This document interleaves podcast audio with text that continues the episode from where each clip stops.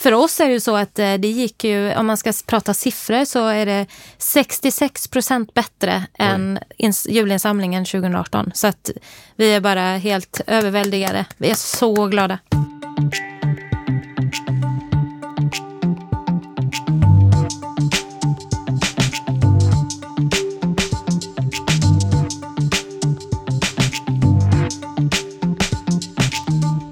Henrik! Ja, hej Ted! Välkommen till det nya året och nya decenniet. Ja, det är ju till och med nytt decennium. Ja, och det... du låter lite eh, annorlunda. Ja. Detta nya decennium. Detta nya decennium så har jag dragit på mig eh, decenniets första förkylning. Det blir ju, det kommer man ju komma Historiskt. ihåg. Det kommer man ju komma ihåg när man sitter och summerar det här 2030 att eh, jag började med att vara frisk i nästan en månad, men sen slog det till. Mm. Och så blev jag förkyld igen. Ja. Men själv, har det börjat bra? Ja, absolut. Jag är frisk, eh, så det har börjat bra. Vad skönt för dig. Men vad, tio år sedan, då, vad gjorde du då? Tio år Var du förkyld då? Nej? Eh, jag kommer faktiskt inte ens Nej, ihåg vad jag Nej. gjorde då. Nej. Men eh, det leder oss ju ändå in lite grann på dagens avsnitt. Eh, så det, det, där var en passning du inte visste om att du gjorde. Nej. Eller så visste du det. Nej, men för tio år sedan så hade jag väl precis avslutat en julkampanj åt en av eh, dagens gäster. Vilken passning! Vilken passning! Ja. Nämligen Frälsningsarmén eh, som jag jobbade med deras julgryta i eh, två år. Eh, och Mats Wiberg som vi bjuder hit idag, han eh, är ju, som en av dagens gäster, eh, han är insamlingschef på Frälsningsarmén och han var det då. Han har varit insamlingschef i 20 år där. Bara det? Bara det, eller han har jobbat där i 20 år. Han har ju precis som dagens andra gäst också börjat sin karriär på givarservice. Och vem är dagens andra gäst? Dagens andra gäst är Elin Stråkendal från UNHCR. Vi måste ju följa upp kärleksrelationen mellan UNHCR och eh, Roger Akelius. Hur gick det med dubblandet som hon var här och pratade om? Sen hoppas jag också att vi kan prata lite julkampanj i största allmänhet. Både du och jag älskar att jobba med julkampanj och har gjort det i år igen åt varsin organisation. Precis. Hur gick det för er? Eh, ganska bra tror jag. Ja, kul. Ja, det är ju, man sitter ju nu här med allt ska samlas ihop, så vi får väl se hur våra gäster, hur, hur ihopsamlade de är och om de eh, har någon koll på resultatet. Mm. Mm. Nej, men för julen, eh, vi gillar ju sagt att jobba med kampanjer och julen är ju den största kampanjen man kan eh, jobba med.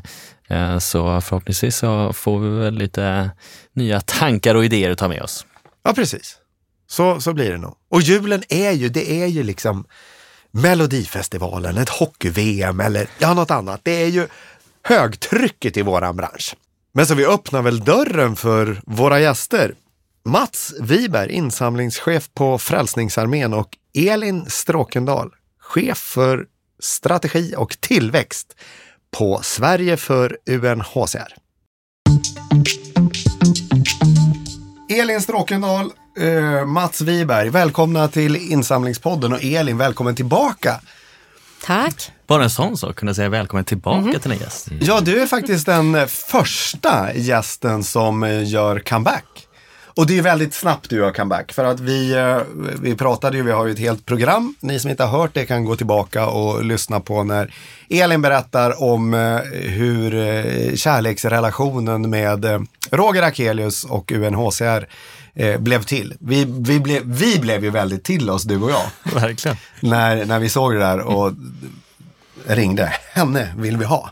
Mm. och så kom du hit och berättade väldigt, väldigt bra om det och eh, hur, hur hela grejen blev till. Och det sista som hände när du gick ut genom dörren, det var att eh, du hade, vi hade pratat om annonsen som hade varit eh, tidigare under dagen, att hjälp, hur var det nu? Eh, eh, ta från en eh, rik och ge till en flykting. Precis. Och så gick du hem och så skulle ni prata om de nästa grejerna som skulle komma. Ja. Och ni, det var ju väldigt mycket humor i det ni höll på med. Mm. Eh, glimten i ögat eh, kallade du då eh, humor. Mm. Vad kom sen? Ja, vad kom sen? Jag tror den kampanj som vi var på gång med sist vi pratade var eh, dubbla videos bredvid varandra. Vi gjorde en... Eh, för det är så här att när vi gick igång den första november så är, börjar ju julkampanjen sätta igång men det är ju inte då julhandeln som är som störst. Så vi försökte hålla liksom en aktualitet, eller man ska säga, över hela, hela november och sen i december är då man går för, för den stora liksom, satsningen som alla organisationer gör runt jul. Det är ju mest i början på december man sätter igång med julinsamling. Så vi vill ju liksom fylla november med massa trafik och initiativ och sådär. Så att då gjorde vi, då höll på med kollega, eller kollegor höll på att klippa ihop en video som gick dubbla videos bredvid varandra. Väldigt svårt att förklara det utan att se det framför sig. Men vi tog en video och så splittade vi den så att det är exakt samma som ligger bredvid varandra för att man ser dubbelt. Um, så det var den vi höll på med då. Vi höll också på med annonser då eh, i samma maner fast print. Um, och så körde vi liksom ut digitala annonser eh, då också den veckan. Så det var precis just då. Och sen var det ju idégenerering konstant. Vi hade ju veckomöten när vi var så här, okej okay, vad har vi? Vad behöver vi värdera? Vad behöver vi förfina? Hur ligger vi till? Och så där. Så det var liksom att hela tiden hålla ett momentum i, i själva insamlingen. Vi så här, det är nu vi har chansen. Ett, att verkligen få ut budskapet. Alla går och dubblas. Ehm, och eh, två, eh, använda den här eh, möjligheten att, att, att testa ett annat maner under den här perioden. När man faktiskt kan prata om, liksom rikta från att prata om en väldigt seriös fråga på ett, inte klassiskt maner kanske inte alltid gör, men det finns ju liksom ett sätt ändå att prata liksom om flyktingfrågan eller allmänt om att samla in pengar, att man gör det på ett visst sätt och att lekfullhet är något som jag tror inte bara vi, liksom, man, man vill utmana sig själv i, men samtidigt hur långt kan man gå? Var går gränsen? Uh, och här hade vi no någonting annat att prata om som var pengar går fortfarande till flyktingar, precis som jag sagt. Men här är det liksom någonting annat vi kan rikta uppmärksamheten kring. Och det är som alla gåvor som du skänker nu dubblas. Och då, då, då kan man liksom testa ett annat grepp. Um, så i den resan har vi ju givetvis lärt oss väldigt mycket också i hur vi vill vara. Vad vi vill göra, vad vi kastar ut för typ av kampanjer, att bli mer vågade och sådär. Och det pratade vi om när du var här senast, ja. med våga och våga misslyckas. Och, och ja, också. Precis. Eh, jag tänker om man ska backa lite, för man vill ju självklart höra hur, hur gick det då? Ja. Eh, men jag tänker, eh, om man backar och rent tittar på julen i stort, vad, vad betyder julkampanjen och jultiden för, för era organisationer? Ja, alltså för, för oss så är ju julen, eh, alltså Frälsningsarméns eh, profil passar väldigt bra för julen kan man säga. Alltså de människor som vi hjälper, eh, vare sig det är hemlösa eller barnfamiljer eller ensamma äldre eller så här, så, så sammanfattar det ju liksom en hel del av de problem som finns runt julen. Så att vi, vi är väldigt starka eh, under julen. Eh, och jag vet inte hur länge det har varit så, men, men under mina 20 år så har ju, har ju det alltid varit så att Frälsningsarmén eh, är lite populärare, lite mer intressant överhuvudtaget under julperioden. Lite mer självklart att skänka pengar till Frälsningsarmén till jul än annars.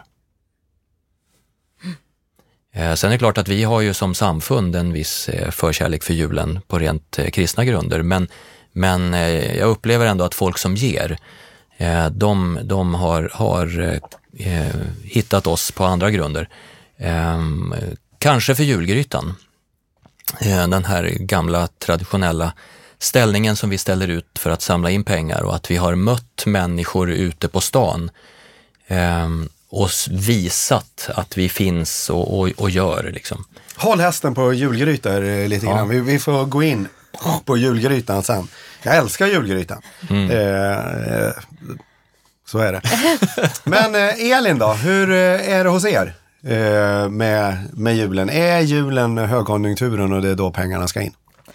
Ja, men jag, eh, jag skulle säga att det är ju för oss, på li, för lika som, som liksom hela branschen. Jag förstår att ni har ju liksom en annan aspekt till det som, som har mer att göra med, precis som du säger, att ha med hjälpverksamheten också är väldigt koncentrerad och då mm. blir det naturligt att prata kring det. För oss är det mer att det är då eh, brukar säga så här, juletid, gåvotid. Det är liksom på något sätt då man öppnar plånboken liksom jättestort och, och eh, det är då pengar finns tillgängligt på ett annat sätt. Eh, Så det är ju inte, det är ju så för oss precis som det är för många, de allra flesta organisationer. Ska Ett intressant span jag har där och när vi nu är inne på, på den här eh, delen är de nya givare som man får in i, i juletid. Eh, är det lättare eller svårare att behålla dem som att få dem att bli kontinuerliga givare? Um, jag skulle ju säga att det är inte jättestor skillnad på dem jämfört med andra givare under året. De som är de svåraste givarna är ju emergency eller akutgivare som ger vid akutsituationer. Att få dem att liksom ge den här stora massan som kan komma in när det är en stor akut eh, situation. Att mm. få lika många av dem att fortsätta att ge kontinuerligt. Det skulle jag kanske säga är det svårare segmentet. Mm. Um, de väntar på nästa katastrof. Ja. Ja. ja. Kanske inte att julgivarna står ut som särskilt svåra att jämfört konvertera. med jämfört med andra givare, så skulle jag säga. Jag Nej, hos, hos, oss så är det väl nästan så. Jag skulle vilja påstå att, att julgivarna är lite mer trogna julen. Eh, de, de ger igen, men de, de eh, kan vänta ett år. Ja, de är, de är kontinuerliga och kommer tillbaka ja. varje jul. så enkelt. att det är inte svårt att få dem att komma tillbaka, men, men de, de som rekryteras till jul, eh, ja, gör någon typ av koppling med oss och julen som, som gör att det blir lite starkare. Sen är det en, en stor del av dem som, som ger andra delar under året, men rent sådär generellt så, så blir det något lite särskilt med julen. Men då är de lojala på ett annat sätt då? Det ja. behöver, alltså, ja. Lojalitet kommer ju i många olika former, tänker jag. Ja, ja så är det. Mm. Mm. Och vad är det för typ av eh, gåvor som är den centrala biten? Är det engångsgåvor eller är det webbshop och lösa problematiken med att köpa en julklapp? Eh, ja, men för oss så är det ju, är det ju eh, de vanliga enstaka gåvorna, alltså privatpersoner som ger. Och där vårt Eh, det skrivna brevet på något sätt, det fysiska brevet, DR är det som, som är liksom signalen att ge. Sen ser ju givandet lite annorlunda ut nu. Det är ju inte givet att man, att man sitter med betalorder och fyller i och skickar in, även om vi har, har många äldre givare. Eh, utan det, det drar sig gärna in i, i, i nya kanaler med, med Swish och QR-koder och sådär. Men, men själva brevet, det fysiska brevet, är, är liksom signalen att, att nu är det dags. Och ni har Swish kopplat till eh, OCR-numret och allt sånt där? Ja, alltså om man väljer att ge med, med Swish QR ja. så får alla en unik eh, QR-kod. Och Swish, eh, skannar de den med Swish-appen så blir det ju som om det var en, en, en OCR-gåva. Då. Och vilket insamlingssystem har ni? Vi har Winnorg, heter de, ett norskt. Ni har norrmännen. Fortfarande? Mm. Jajamän, de har vi haft sedan ja, 2002, 2003 någonstans där. Ja. Eh, nej men jag skulle säga, om man tänker kring vad man ger till jul så ska jag säga att många tänker väl i Sverige tänker att man vill ge någonting runt jul och man kanske vill lösa julklapps problem eller sådär, vilket blir vanligare och vanligare kanske. Roger inte... Akelius ville ge mycket till. ja, och det är ju en annan del, men jag tänker, men eh, allmänhet då, givare på kanske en annan eh, nivå, eh, vill väl kanske lösa julklappar och då handlar det ju också om vilket erbjudande man har. Eh, så det ena är ju ens lojala givare och det andra är ju liksom nya givare. Att man finns, på, man finns tillgänglig som ett möjligt alternativ att välja. Liksom, att man har intressanta produkter och sådär. Och då är det gåvoshop som... Då är det framförallt gåvoshop. I vårt fall är det det eftersom vi satsar väldigt mycket på att vara digitala. Liksom, digitala lösningar. Och sådär. Men det är det som är det centrala för er i julkampanjen, det är gåvoshoppen? Det är absolut det som vi säljer väldigt, väldigt starkt på. Ja, det är det. Mm. Mm, och det är lite olika då mm. mot, mot, oss. För hos oss så är det ju mycket digitalt naturligtvis, men, men tittar man på, på tyngden när det gäller gåvorna, då är det ju DR som, som är liksom den starka drivkraften fortfarande. Även om, så att säga, som jag sa, gåvorna kommer in via fler kanaler nu.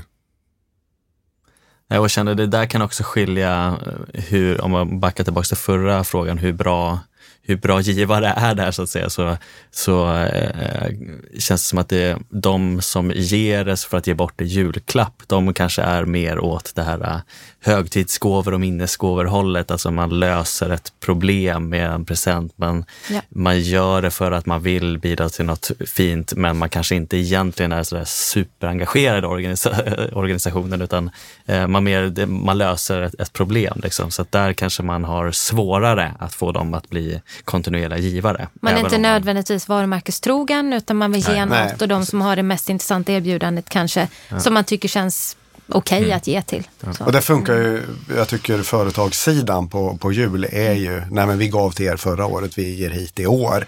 Men det är självklart att vi ger. Mm. Eh, och så byter man mm. eh, efter mm. dem. Här, här är ju, alltså vi får ju fler eh, gåvor via gåvoshoppen till jul naturligtvis än vi brukar få och där, där ser ju vi kanske att, att, att ge en gåva till Frälsningsarmén under året eh, har inte samma naturliga liksom, koppling som, som just runt jul eftersom vi gör saker som är direkt kopplade till hur människor firar jul. Eh, vi vänder oss till människor som, som inte har det den har som, som ger. Eh, man kanske sitter med familjen och man har, har liksom handlat eh, all mat man behöver, man har köpt fler julklappar än man borde, precis som vanligt. Eh, och då känns det väldigt bra att få, få tänka på någon fler som inte har det jag har. Eh, och där, där blir det ju ett väldigt kort steg för, för någon som, som vill stödja Frälsningsarmén. Då. Ja, mm. ska vi komma in på julgrytan nu då äntligen? Julgrytan. då händer det. Eh, världens äldsta julkampanj eh, har vi ju lanserat det här som i, eh, i insamlingspodden och det lär väl stämma. Ni har hållit på i 120-130 år. Ja, alltså 1891 var första julen. Så vitt jag vet i alla fall, eller den historieskrivning vi har en, en Joseph McPhee, tror jag han hette, som startade det här i San Francisco. Eh, och han, eh, han hade eh, sett i Liverpool eh, några som samlade in i, i någon typ av gryta och, och tänkte att det här eh, borde man ju kunna prova.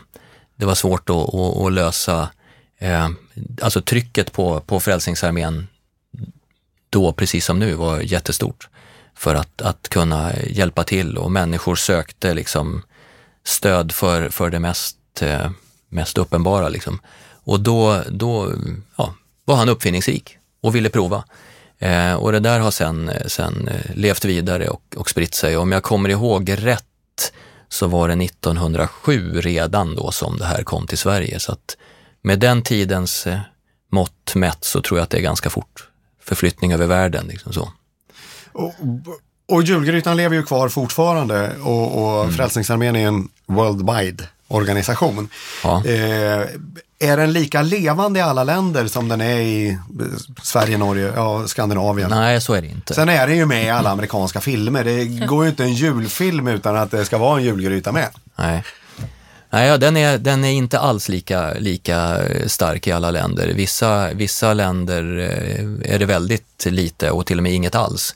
Um, och jag vet inte om det är, det är snön som, som drar, men den är starkare här i, i, i Norden och, och liksom norra delarna av, av jordklotet än den är på södra sidan. Australien är den är stark och fungerande, men, men annars så, så ser det väldigt olika ut.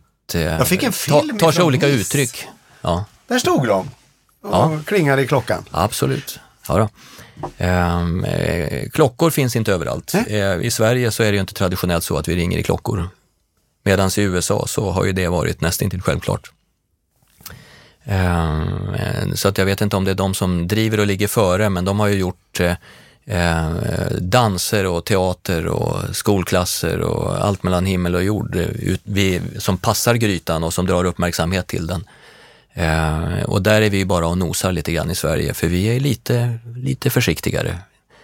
Eh, vi står, står där och, och ja, tar emot och tackar. Någon eh, blåsorkester, hornmusikal, spelar lite ja, julsånger? Absolut, så är det. Eh, de, de orter där vi har, har eh, sång och musikgrupper så är det ofta så att de försöker bidra på något sätt. Och, och det är ju ett klart uppsving när, när de är ute. Um, när, när, framförallt när blåsgrupperna spelar så, så väcker det något hos svensken. eh, och det är lite intressant för, för just den där typen av, av blåsmusik är ju ingenting som är jättestort i Sverige.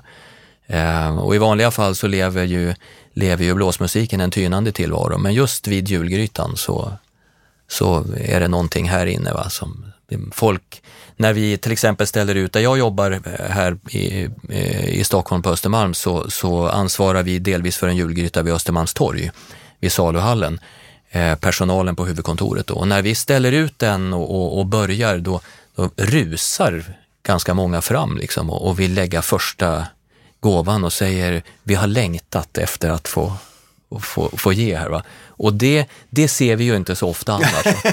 det, det, måste man ju säga. Elin, springer man för att få ge, vara först och ge pengar till UNHCR? Ja, jag hoppas det. det vet man ju inte. Nej. Nej. men eh, det är inte lika tydligt manifesterande kanske om man är på webben. Nej. Eh, det låter Nej. fantastiskt, vilken lojalitet.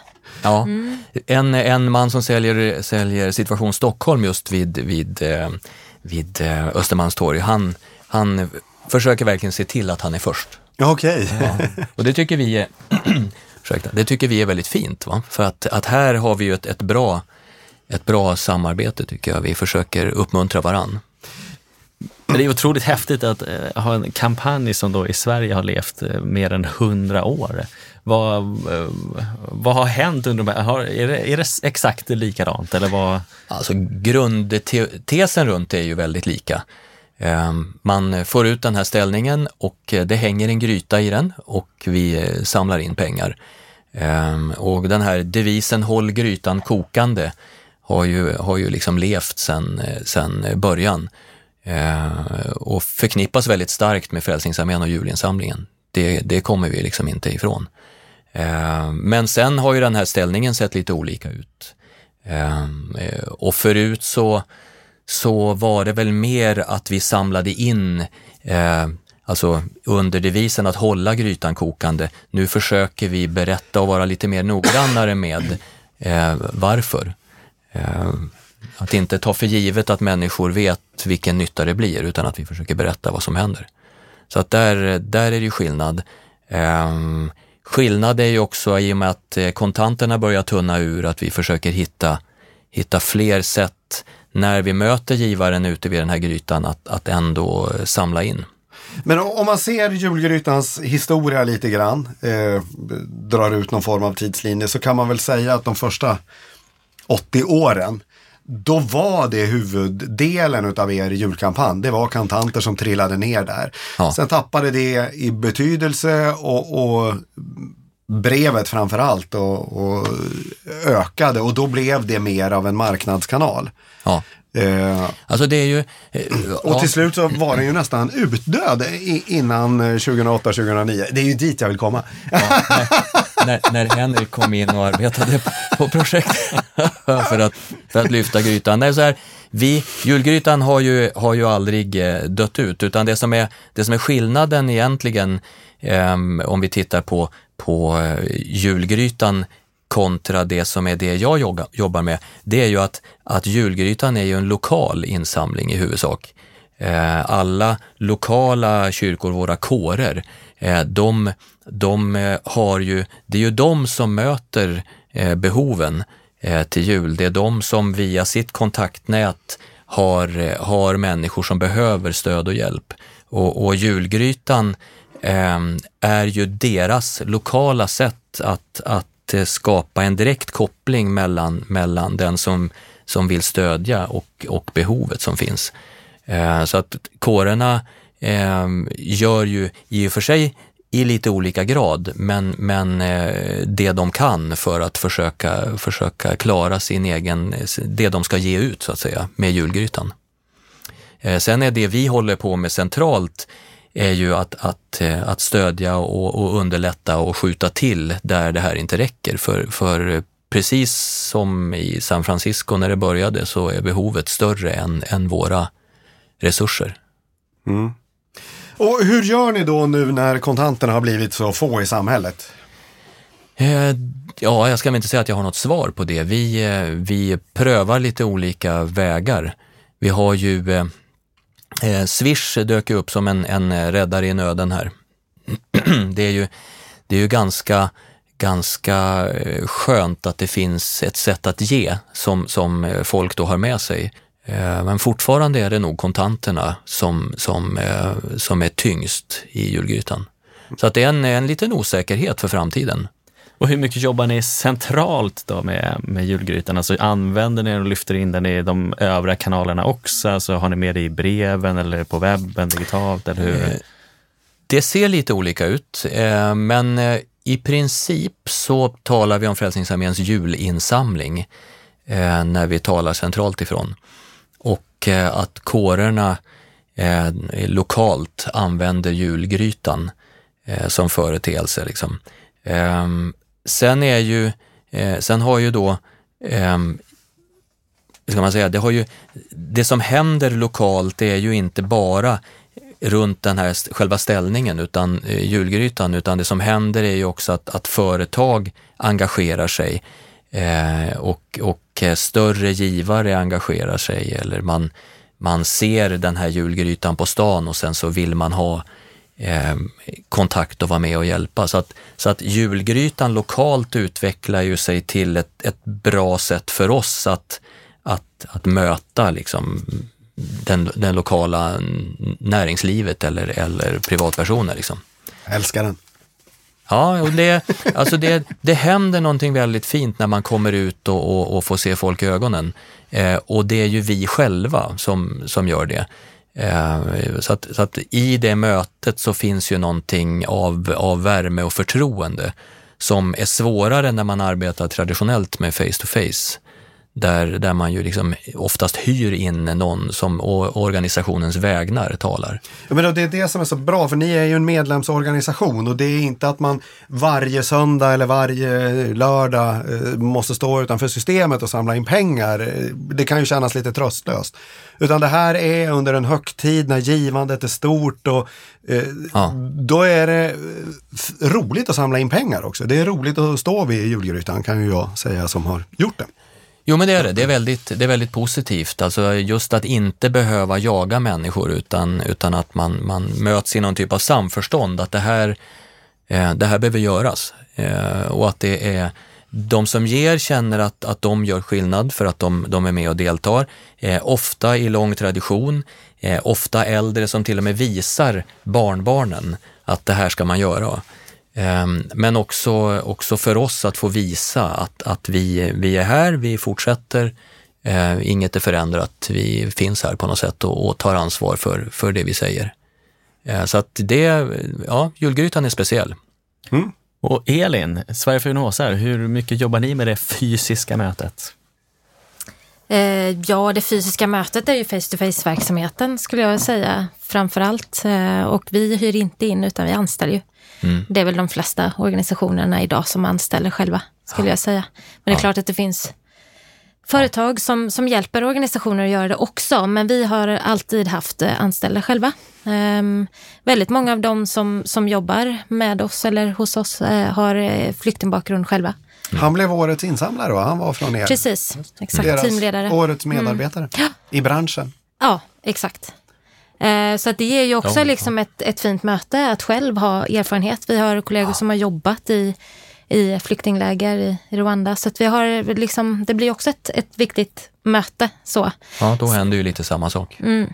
Mm. Och sen så självklart att man har det i säljmöten, att det, det är fysiska mötet. Men, eh, men det är ju liksom gentemot företag och stora givare så kanske mer. Och då är det mer one-to-one. one men hörni, vi måste stanna och pausa lite grann för vi har ju en till gäst som vi vill släppa in, nämligen den ständigt återkommande Josefina Ben Assos.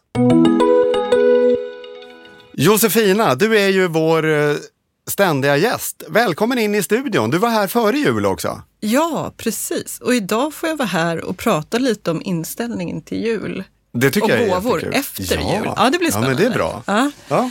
Eh, vi har frågat allmänheten om deras inställning till jul och ideella organisationer. Det är ju eh, en form av gåva att skänka till en ideell organisation och då har vi frågat allmänheten om du tror att du kommer ge en julklapp till någon som är en gåva till en ideell organisation.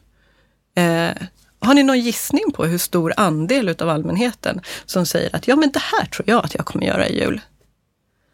Spännande fråga och sen är det också, eh, vore det kul att ha resultatet vad de faktiskt gjorde också. Eller? Ja, precis. För om de- när man frågar, eh, en fjärdedel. 25 procent? Nej, det, jag tror mer. Jag tror eh, över 40. Över Ja. 40 procent. Ja. Ja. ja, men du är nästan mitt, mitt på. Eh, I år så är det 43 procent som svarar att ja eller kanske, det kommer jag kanske göra. Eh, Jag tog bort de där kanske, det var därför jag men precis, det var det du tyckte. Och det är faktiskt en liten nedgång. När vi ställde den här frågan för två år sedan eh, så var det 47 procent. Så att det är 4 procent, procentenheters nedgång. Eh, vad det betyder, det vet vi inte. Ja, det betyder att de är inte är lika positiva som eh, generalsekreterarna. Ju- det ringer fortfarande i mina öron sedan du var här före jul om hur positiva Precis. ledarna i vår Ledarna i vår bransch är. sektor är väldigt positiva. Men i alla fall, mer än fyra av tio säger att jo, men jag tror, eller jag kanske kommer skänka en gåva till en ideell organisation den här julen. Det tänker jag är ändå ganska bra utgångsläge. Ehm, och sen får man ju såklart, som du säger Ted, det, det kan ju organisationerna bidra med. Hur många är det som faktiskt köper den här typen av, eller köper, skänker den här typen av gåvor, där man kanske får ett gåvobevis eller liknande tillbaka kring jul.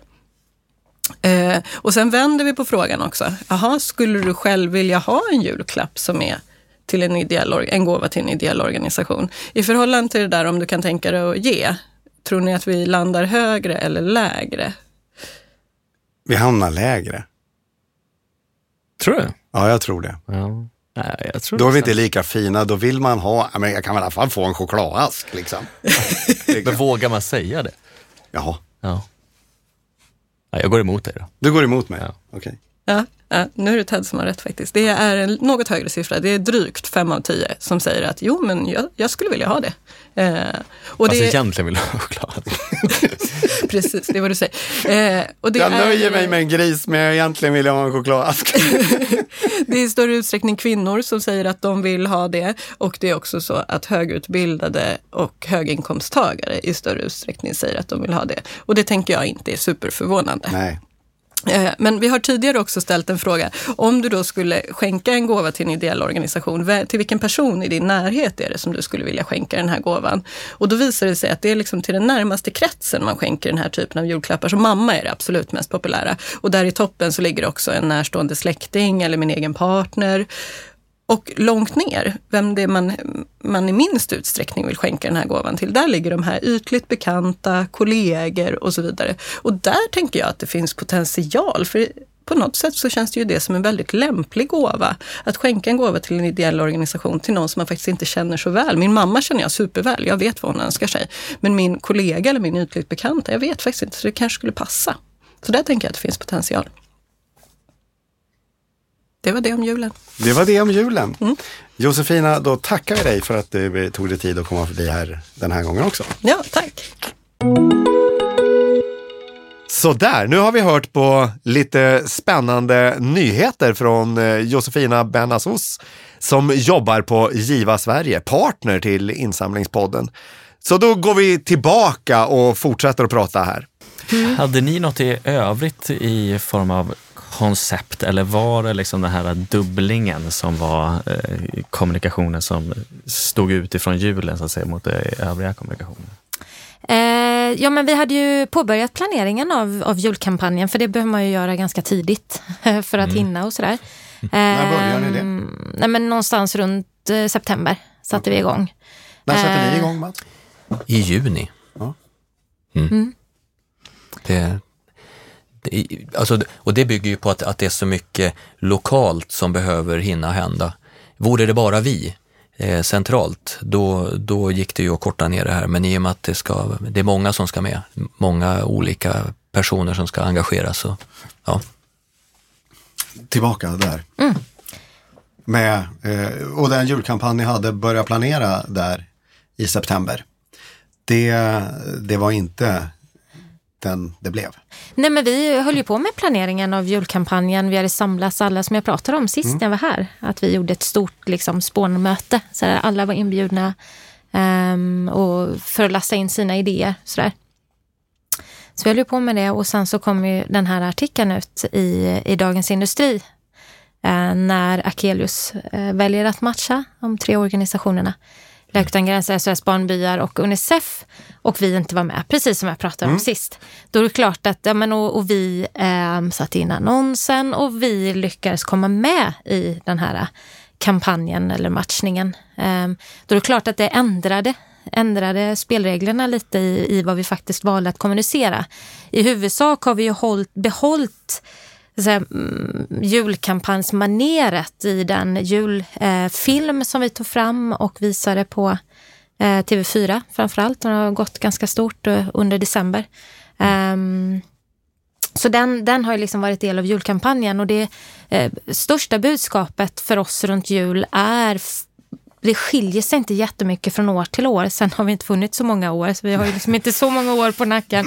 Men om vi tittar på de senaste fyra, fem åren då, så är det kylan. Det är liksom, pratar om kylan i flyktinglägret eller kylan som människor, för människor på flykt.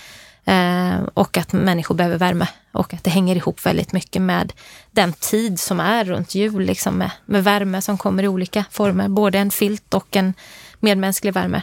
Ehm, så att det är ju det budskapet vi har haft. Sen har vi ju då haft ytterligare att vi lägger på dessutom så dubblas alla gåvor just nu, så passa på. Mm. Eh, Men, mm. Och det här glimten i ögat, humordelen, ja. i alla fall det jag uppfattade var ju det väldigt bärande. Ja. Eh, kände ni att det var ett lyckat spår?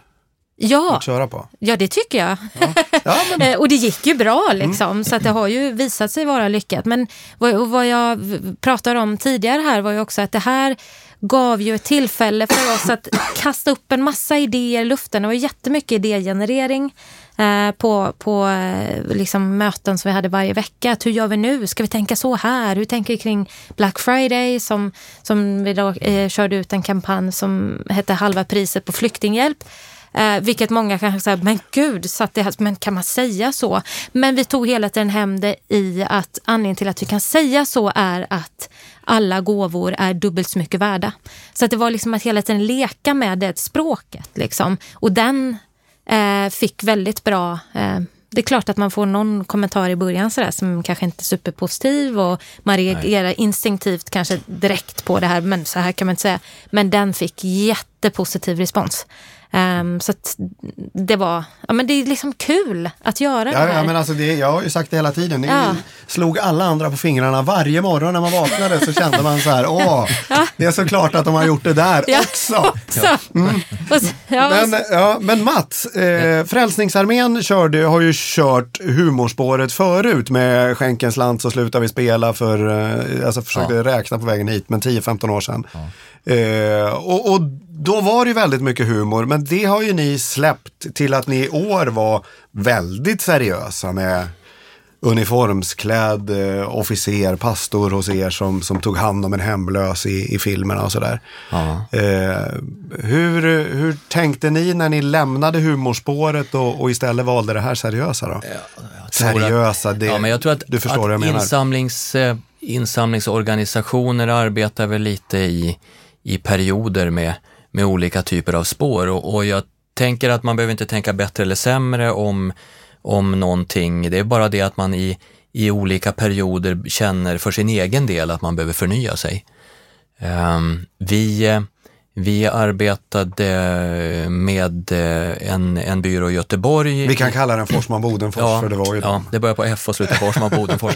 Ja, um, under ganska många år Eh, och eh, då hade vi en, en sån, en sån, ett sånt sätt att arbeta, ett sånt maner. Och det fungerade väldigt bra.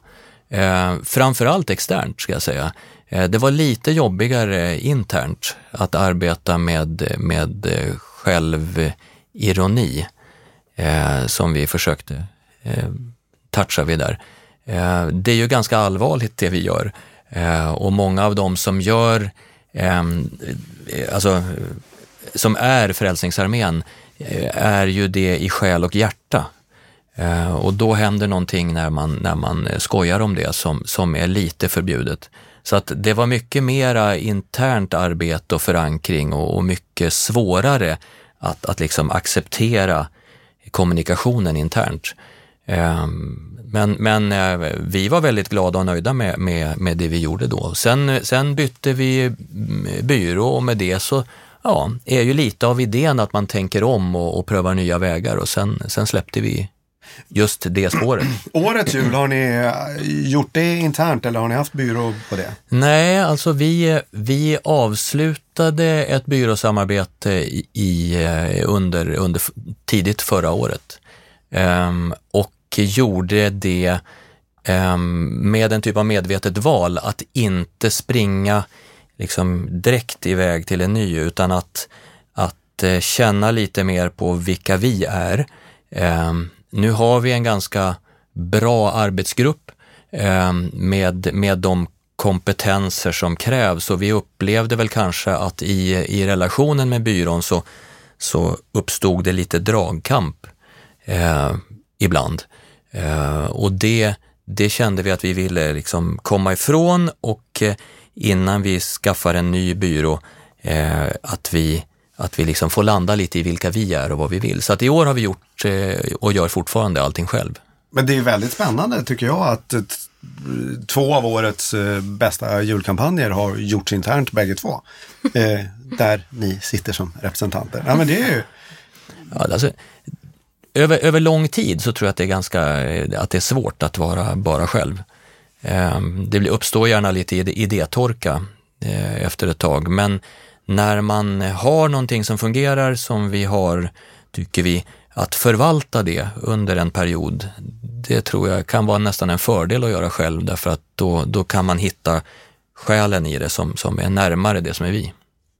Vad säger du Elin om det här byrå, inte byrå och den, eh, den här interna kanske konflikten som kan uppstå med jag skulle nog inte säga att vi har några interna konflikter. Eh, så att vi bygger en kultur av att nu måste vi våga, nu måste vi satsa.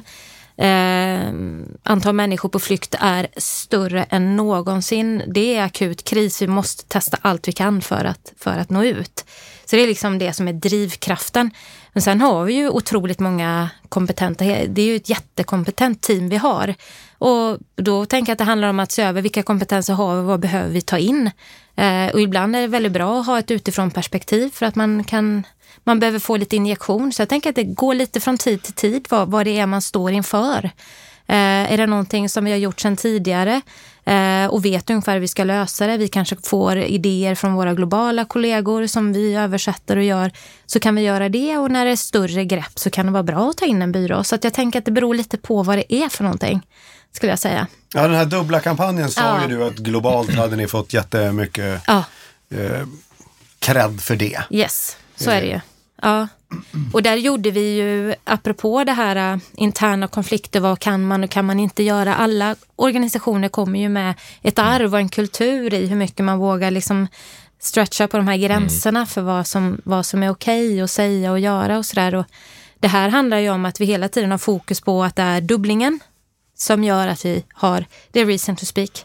Vi pratar om det, det är Roger Akuli som matchar, det här är fantastiskt, nu kör vi.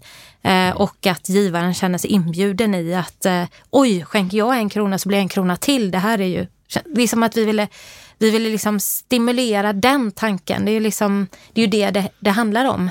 Eh, och sen så gjorde vi ju en ytterligare en apropå det här med framgångar eller icke framgångar. Men så vi, vi testade ju i princip allt, i alla fall kastade upp alla idéer och en del av dem gjorde vi. Vi hade, tog eh, Veckans Affärers eh, miljardärslista eh, och så tog vi de nya miljardärerna och så skickade vi guldballonger till dem och sa grattis och satte in en annons i Dagens Industri och säger grattis Klart ni gjorde. Ja, jag vet inte ifall du har sett det. Men, och konfetti och sådär eh, med, med, med brev till dem. Eh, så att vi, vi testar allt och en del reagerade kanske med att oj, vad är det här för något? Och medan andra tyckte att det var kul. Eh, men man måste våga testa för att se, var det här liksom någonting som, som liksom föll ut väl eller inte sådär. Så att det, och det är ju um, det är som en del av den här kulturen som vi också bygger i att våga testa, våga sticka ut för att vi, vi jobbar ändå i ett landskap där det är väldigt många som sänder budskap under mm. jul men över hela året. Och alla jobbar ungefär i samma maner med samma målgrupper och liksom med samma... Det är ju inte en, jätte, det är inte en jätteökande marknad liksom. Um, så att, att man behöver jobba med att sticka ut lite. Uh, och då tyckte jag att ta den här chansen och sticka ut lite.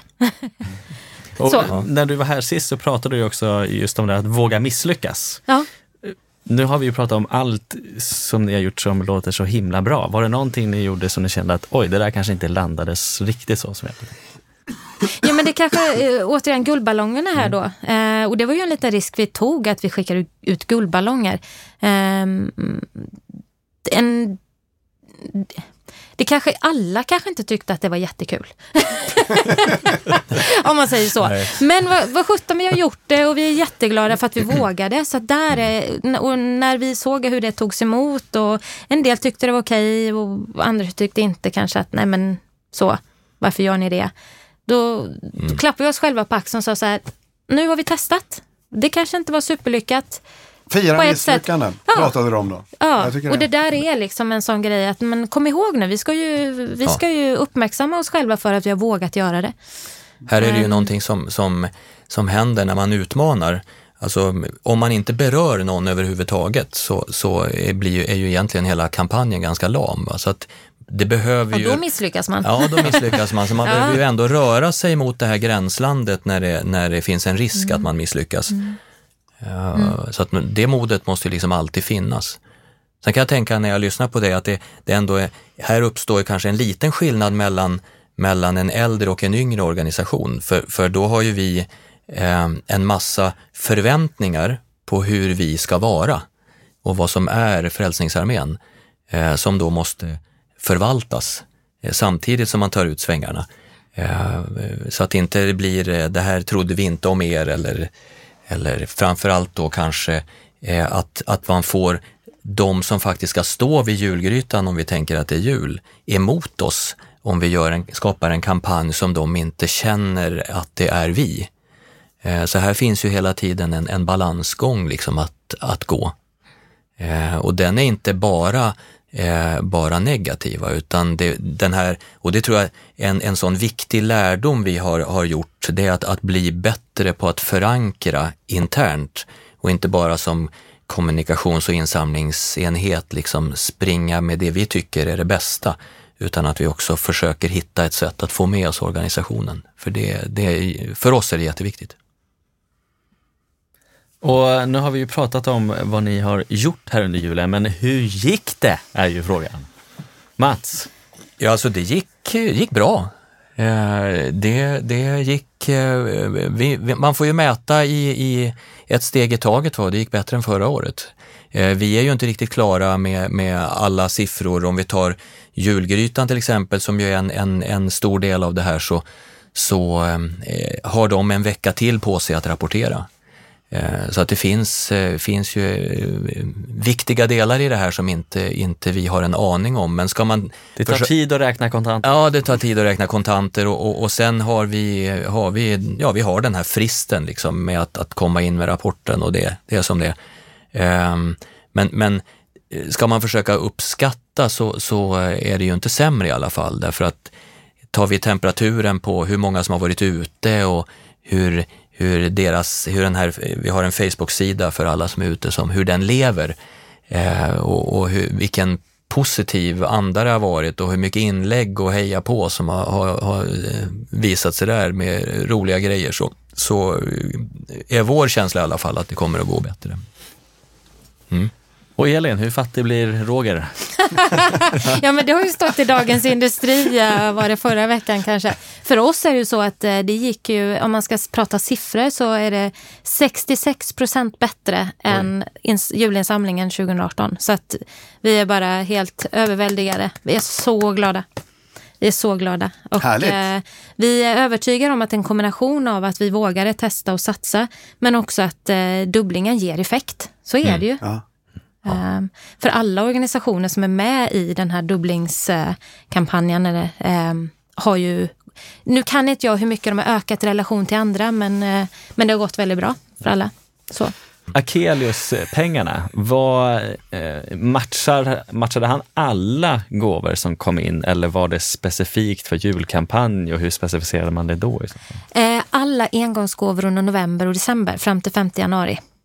Och det var både första, privat och företag? första november till 5 januari. Privata och eh, företag. Ja. Mm, fantastiskt. Ja, då blir det ju lätt att räkna också. Ja. Precis. Och annars så kan det ju vara där, vad är vad? Vad är julkampanj och vad är inte Exakt, julkampanj? precis. Ja. precis. Mm.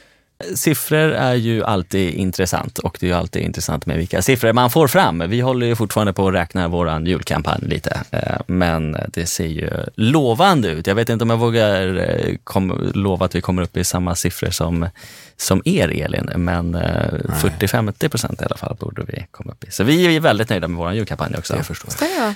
Eh, men jo, just det, företagsbiten. Hur eh, ni, nu pekar jag på dig Elin, Ja. ni jobbade med Lindex vet jag eh, och ni Mats, ni jobbar med matbutiker. Ja, alltså vårt företags, eh, företag som stödjer oss är en ganska liten grej faktiskt. Eh, men däremot lokalt eh, så, så har ju många, många eh, av kåren eller våra, våra kyrkor Eh, stöd från lokala handlare som ändra ger rabatter på det vi köper eller, eller eh, ger bort varor eller produkter som, som vi sen kan, kan dela ut. Eh, så, att, så att det finns ju där, men, men det är ingenting som vi centralt liksom ser och mäter. Och det är en, det är en lite, så det där är en, en, en otrampad väg för oss, kan man säga. Men Sverige för UNHCR, ni hade Lindex som sagt vad jag såg som var Ja, precis. Det är inte första gången. Lindex har vi ju haft runda upp-kampanjer med tidigare. Men då, då var det ju en vecka ungefär som vi hade runda upp, dubbla upp. Alltså att det var med fokus på att alla gåvor blir dubbelt så mycket värde också. Och hur mycket eh, betyder företagen för er? Företagen är ju jätteviktiga såklart. Eh, en del företag gör ju matchningskampanjer själva. Eh, alltså såna här, genom insamlingsplattformar eller att de skänker sina stöd då givetvis. Precis som alltså med olika paketlösningar så här, på olika nivåer. Och att partnerskap är med eh, också. Så vi har fyra personer som jobbar med företagsinsamling hos oss. Och företagsdelen gick också bra vid jul? Ja, Ja, såklart. det är klart att det går jättebra hem hos företag som att deras gåva blir dubbelt så mycket värd också. Det rimmar bra hos alla liksom. Så. Eh, Men vi har verkligen gjort allt vi har kunnat för att nå ut med detta. Verkligen synas, ta hem, ta hem det på ett bra sätt och eh, väldigt ehm, för nu pratar vi om oss ifrån Sverige för en HCR som perspektiv, men det är ju också, det är ett tack för Akelius, Roger Akelius, för att vi blir inkluderade. Och framförallt också tack till de andra tre organisationerna för att de har varit så generösa och släppt in oss. Ehm, det, det är det här, som skulle jag säga, som har gjort den stora skillnaden för oss att, att ta hem, ta hem julen. Och att vi då liksom inte bara tänkte, vad bra, då kör vi på, utan nu ska vi göra allt vi bara kan för att göra något riktigt bra av det också. Så att vi inte tappar, utan att vi, att vi verkligen gör det mest nytta och det roligaste vi kan av den här liksom, perioden. Och grattis till er som fick till det där. Det, var ju, Ja, men tack. mm, det där kommer man prata om länge. Härligt. Det var ju super. Men eh, i övrigt i jul, har, är det några andra julkampanjer ni har eh, sett eh, som ni vill lyfta från någon annan organisation? Eh, ja, jag börjar väl eftersom det var, eh, jag tänkte på en gång att den första jag såg och reagerade på, eh, för det är ofta när man arbetat länge med sånt här så, så är det ju så här, man, man ser och, och, och ja, bara konstaterar på något sätt hur andra gör. Men, men den första som jag reagerade på och tänkte, ja det här är, kommer att kunna fungera va? Det var, det var eran från UNHCR. Eh, Så att eh, det, det var, för mig var det väldigt lätt att svara på det. Ja, då åkte jag, då åkte jag pendeltåg, kommer jag ihåg, och så såg jag den sitta på en av de här eh, bredvid dörrarna där, Sido. Ja, var den här dubbla då? Ja, Ja. så att eh, där, där började det liksom. Sen har jag följt och sen har jag hört flera kollegor som har sagt, har du sett den här? Liksom så. Jaha. så att vi, vi håller koll på er. Ja, ja vad roligt. Ja. Alltså, och det här inser jag kommer låta väldigt ehm, ehm, lite eh, hur ska jag uttrycka det? Vi var ju så otroligt fokuserade på att lösa vår egen, inte lösa, men bara rulla ut vår egen. Ehm, så att jag har väl inte gjort überspaning på eh, vad, vad andra har gjort under jul. Men det är klart att man har följt andra.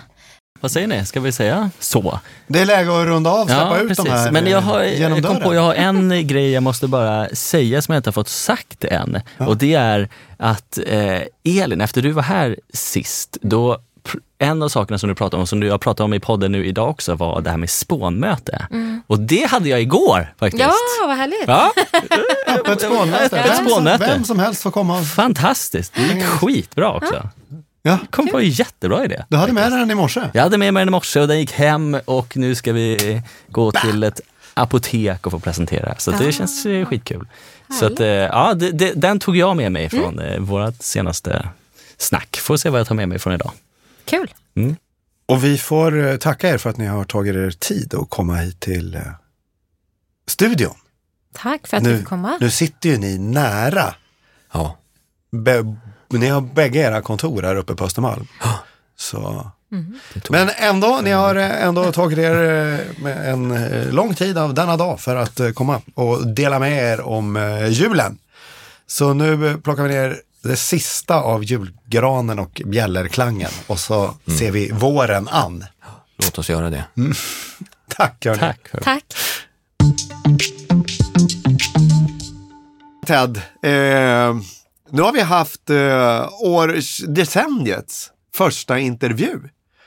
Hur kändes det då? Blev det här som du hade tänkt dig med jul och gammal organisation, jätteny organisation?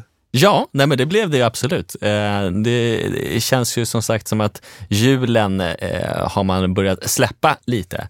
Men kul att få runda av den då och få, få höra. Eh, och jag gillade ändå den här vinkeln som vi hade på det med Sverige för som är den här nya organisationen. Agila. Agila.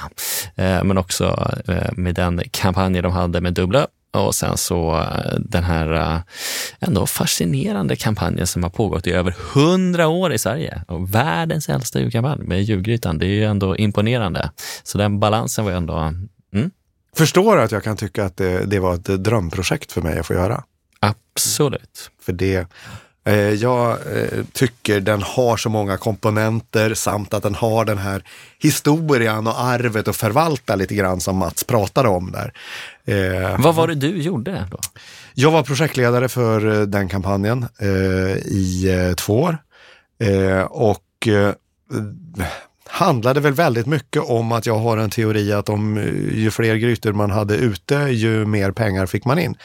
Eh, och och, eh, så att jag jobbade på att motivera eh, Frälsningsarmékårer, deras kyrkor att eh, ställa ut grytan oftare och ha fler grytor ute om man hade personal som kunde stå där.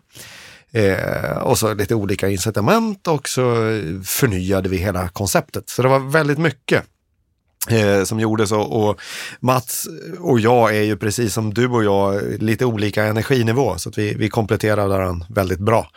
Eh, han, eh, jag kunde köra på och driva kampanj medan han eh, lotsade det, eh, förnyelsen eh, den väg som det, det skulle tas och få rätt beslut och sådär. Så att det var nej men, fantastiskt kul för mig att få göra den. Jag gillar den. Sen är ju jag, eh, du frågade de andra två här, eh, våra gäster, eh, vilka de kampanjer som de hade sett och lagt märke till. Då frågar jag dig. År, vad har du sett och lagt märke till för julkampanjer? Ja, men det, det är klart att man är ju inne lite i julbubblan själv. Eh, så att det måste ju verkligen sticka ut för att man själv ska eh, se det. Eh, och några har ju stuckit ut kanske på ett negativt sätt. Några kampanjer som jag liksom inte riktigt har fattat och jag kanske inte ska nämna dem vid namn. Men, men det är klart att en anledning till att jag ville ha hit Elin igen är ju för att jag tycker att eh, de gjorde en väldigt bra kampanj. Alltså, eh, och så snabbt som de ändå jobbade ifrån att de eh, fick ihop det här med Akelius till att också leverera en kampanj på det så eh, jag är väldigt imponerad av deras arbete. Mm, samma här. Men hade du någon annan du ville lyfta? Eller? Nej, utan det är Elin och uh, Sverige för UNHCR som jag tycker har gjort fantastiskt. Det där är någonting som kommer bli klassiskt och som kommer vara någonting som vi sitter här och pratar om. Likt det eh, som jag tog upp med Mats med, med Frälsningsarméns kampanj. eh, skänk en slant så slutar vi spela. För det var ju också någonting som slog igenom. Och det där är ju lite intressant att det, när man kör lite humorspåret så är det någonting som sätter sig och som uppenbart är framgångsrikt. Och eh, kan bli förvånad att man inte eh, fler organisationer vågar satsa på det. För jag tycker att julkampanjerna i år har varit eh, väldigt...